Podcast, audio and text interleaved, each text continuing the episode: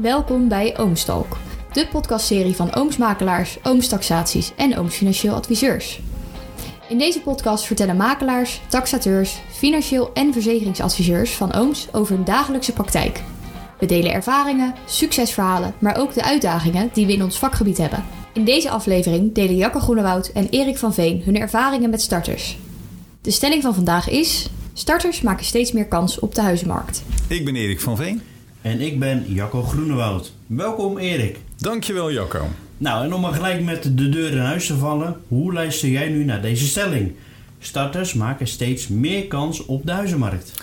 Nou, ik denk hem wel te herkennen, maar steeds meer wil niet zeggen dat starters inmiddels veel kans uh, maken op de huizenmarkt. Dat is eigenlijk het eerste wat ik nu denk. Oké, vertel. Nou, even terug in de tijd. Hè. Begin 2022 was de rente extreem laag. En hoe lager de rente, hoe meer je kunt lenen. Uh, dus hoe hoger de hypotheek is die je kunt krijgen. En hoe meer hypotheek je kunt krijgen, dus te makkelijker het kopen van een huis wordt. Alleen waren er begin 2022 niet heel veel woningen te koop. Nu is de rente hoger. En hogere rente betekent dat starters dan minder kunnen lenen, dus minder hypotheek kunnen krijgen. Gelukkig zijn afgelopen jaar de meeste mensen ook wel meer gaan verdienen om de inflatie te compenseren. Waardoor we zien dat starters in ieder geval nog een fatsoenlijk bedrag kunnen lenen. Helemaal als ze samenkopen. Verder zien we dat de huizenprijzen aan het dalen zijn en ook al gedaald zijn. En dat het aanbod, dus de hoeveelheid woningen die te koop staat, toeneemt. En dat is natuurlijk goed nieuws voor de starter. Zeker, maar zie je daardoor ook dat starters steeds massaal een huis aan het kopen zijn? Ja, dat is niet helemaal eenduidig te zeggen. Het zijn er zeker meer dan eerst. Maar betaalbare woningen, hè, die zijn nog altijd schaars. Dus is de concurrentie onder starters is best wel groot. En dat maakt het juist weer wat lastiger. Waardoor ik niet zie dat ze massaal een huis kopen.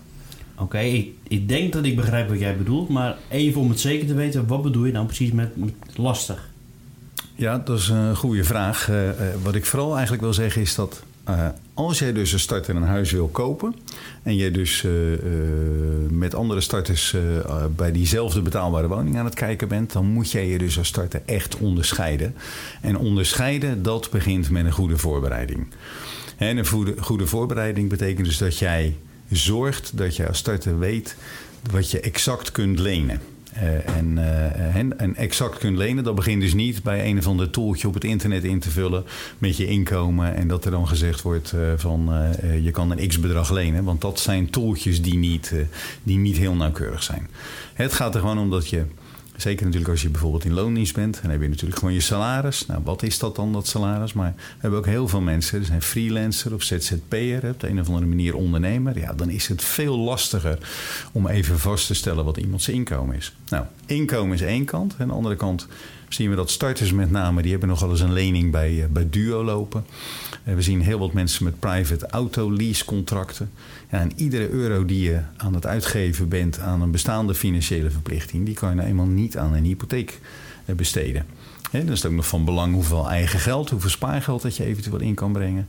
Um, en, en, dus dat bepaalt allemaal wat er nodig is eigenlijk om, uh, om te weten wat jij puur op jouw inkomen rekening houden met jouw financiële verplichtingen, wat jij kunt lenen. Dus wat jij straks ook voor woning zou kunnen kopen.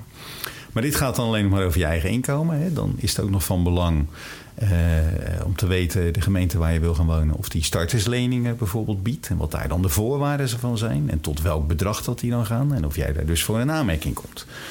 Um, kunnen ouders eventueel borg staan? Uh, wordt er vanuit de familie eventueel een lening verstrekt? Dat zijn constructies die je nogal eens ziet. De familiebank noemen we dat dan.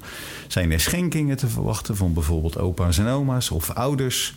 Uh, zijn allemaal zaken die meegenomen moeten worden. En dan zijn er ook nog allerlei maatwerkmogelijkheden die banken bieden, specifiek om jou als starter soms wat meer te laten lenen dan puur even de standaard.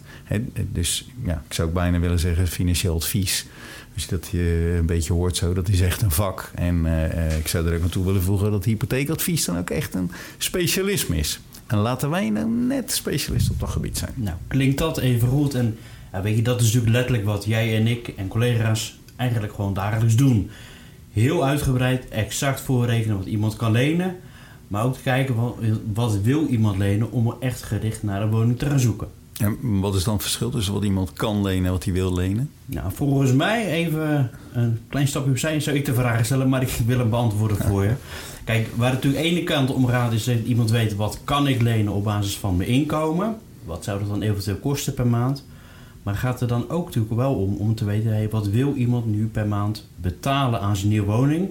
En dat maakt uiteindelijk wat iemand dan kan lenen. dus dat die uitgaven voor zijn of haar nieuwe woning ook echt passen bij wat je maximaal per maand aan die woning uit wil geven.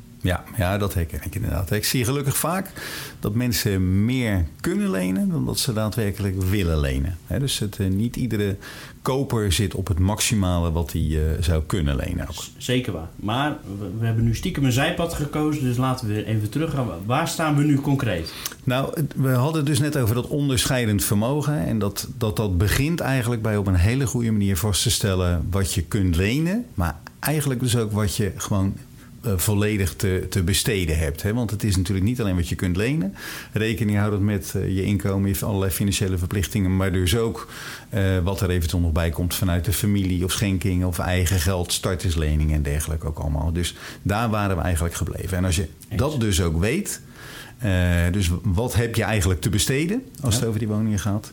Wat gaat je dat per maand kosten? dan heb je eigenlijk de basis waarmee iemand op zoek kan gaan naar een huis. Is een leuke vraag. Hoe pakken ze dat dan aan? Want dat verschilt volgens mij ook. Ja, dat, ja dat het op zoek gaan naar een huis. Nou ja, hè, de bekendste site die we natuurlijk in Nederland hebben, dat is funda.nl. Uh, maar je hebt ook de website van de makelaar zelf, ooms.com bijvoorbeeld.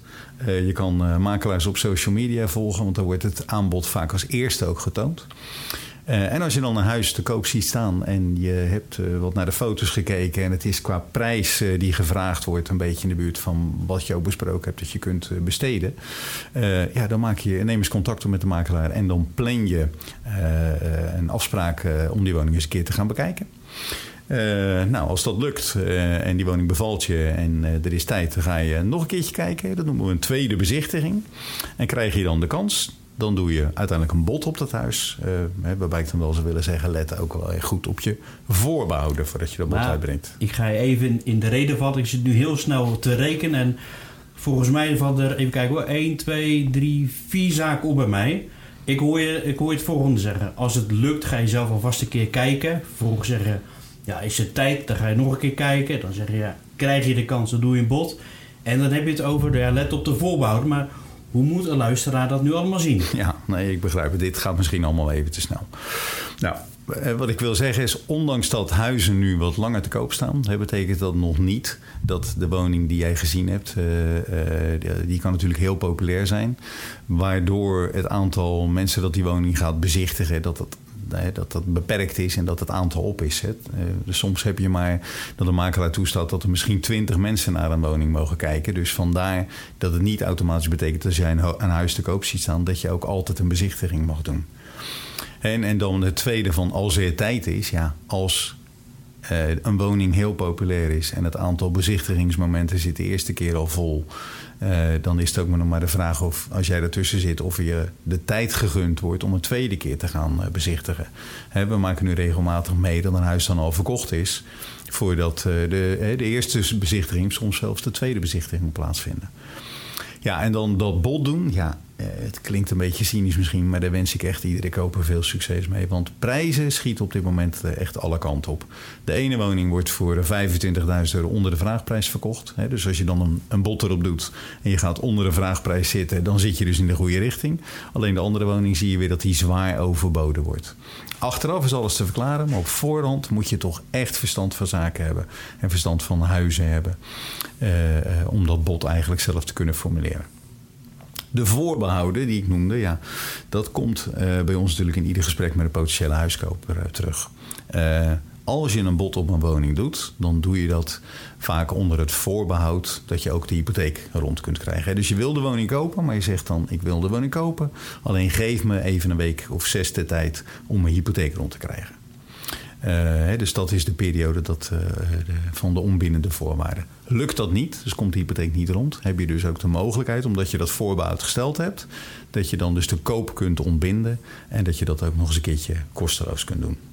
En vaak hè, bij de voorbouwen geef je dan ook nog aan dat je de woning ook wel graag binnen een bepaalde termijn aan jou overgedragen ziet worden. Hè, dat dat geen open eindje wordt. Ja, eens. Maar goed, als we het zo allemaal samen op een rij zetten, is het echt wel complex om even een huis te kopen. Dat gaat dus niet zomaar. Hebben we het nu nog eens gehad over bouwkundige zaken. hè? Dus Nee. noem even wat, het dak wat lekt of lekkages die er zijn geweest of wat dan ook. Nee, precies. Het is, het is echt heel complex. En daarom hebben we bij Ooms, wat wij dan ook noemen, de juiste aanpak. Kijk Erik, nu komen we ergens. Vertel, wat is dan de juiste aanpak? Nou, de juiste aanpak begint met een eh, oriëntatiegesprek met een financieel adviseur-. Eh, Die gaat dus inderdaad alles met je doornemen om te bepalen wat jij te besteden hebt op die woningmarkt. Vervolgens word je gekoppeld aan een makelaar en die gaat je helpen het juiste aanbod te selecteren. En ver- vervolgens ga je dus ook samen met die makelaar op zoek naar de juiste woning. Daarbij is er echt telkens ruggespraak met de financieel adviseur. Want het kan, eh, soms eh, koopt iemand binnen een paar dagen een woning, maar soms duurt het weken, maanden. En dan kan er natuurlijk ook weer wat wijzigen in de rente of in de normen van de banken. Dus dan kan dat wijzigen wat er financieel mogelijk is. Dus iedere keer is even ruggespraak ook vanuit de makelaar. Past deze specifieke woning binnen het plaatje van eh, deze betreffende koper? Eh, deze woning is misschien net even wat goedkoper, maar ja, er moet wel verbouwd worden. Is er ruimte om ook nog een bouwdepot mee te nemen? Kan daar ook voor geleend worden? Dus al die specifieke situaties die zich voordoen, die worden dan telkens even afgestemd. En dan ga ik natuurlijk dan toch even reclame maken. Bij Ooms hebben we alles onder één dak. De hypotheekadviseur, de makelaar, het verlengde daarvan ook nog de verzekeringsadviseur. We nemen jou of jullie als starter aan de hand en we laten niet los voordat jullie dat huis gekocht hebben. Alles gaat volgens een stappenplan. De juiste stap om te komen tot de voor jou, voor jullie juiste woning. Ooms weet tenslotte wat er leeft. Ja, ik, één, ik heb er niks aan toe te voegen. En twee, als ik even op de tijd ki- kijk, dan zit de tijd er voor hem ook. Maar voor mij heb je echt alles verteld wat je wilde vertellen. Nou, dankjewel, dat denk ik ook. Dus wat mij betreft starter, eh, eh, maak een afspraak via ooms.com of eh, neem telefonisch contact met, je op, met ons op. En dan zien we je graag binnenkort in een van onze vestigingen of via Teams eventueel online. Zeker. Nou Erik, dank voor je tijd. En ik zeg tot de volgende podcast. Graag gedaan, Jacco. Tot de volgende keer.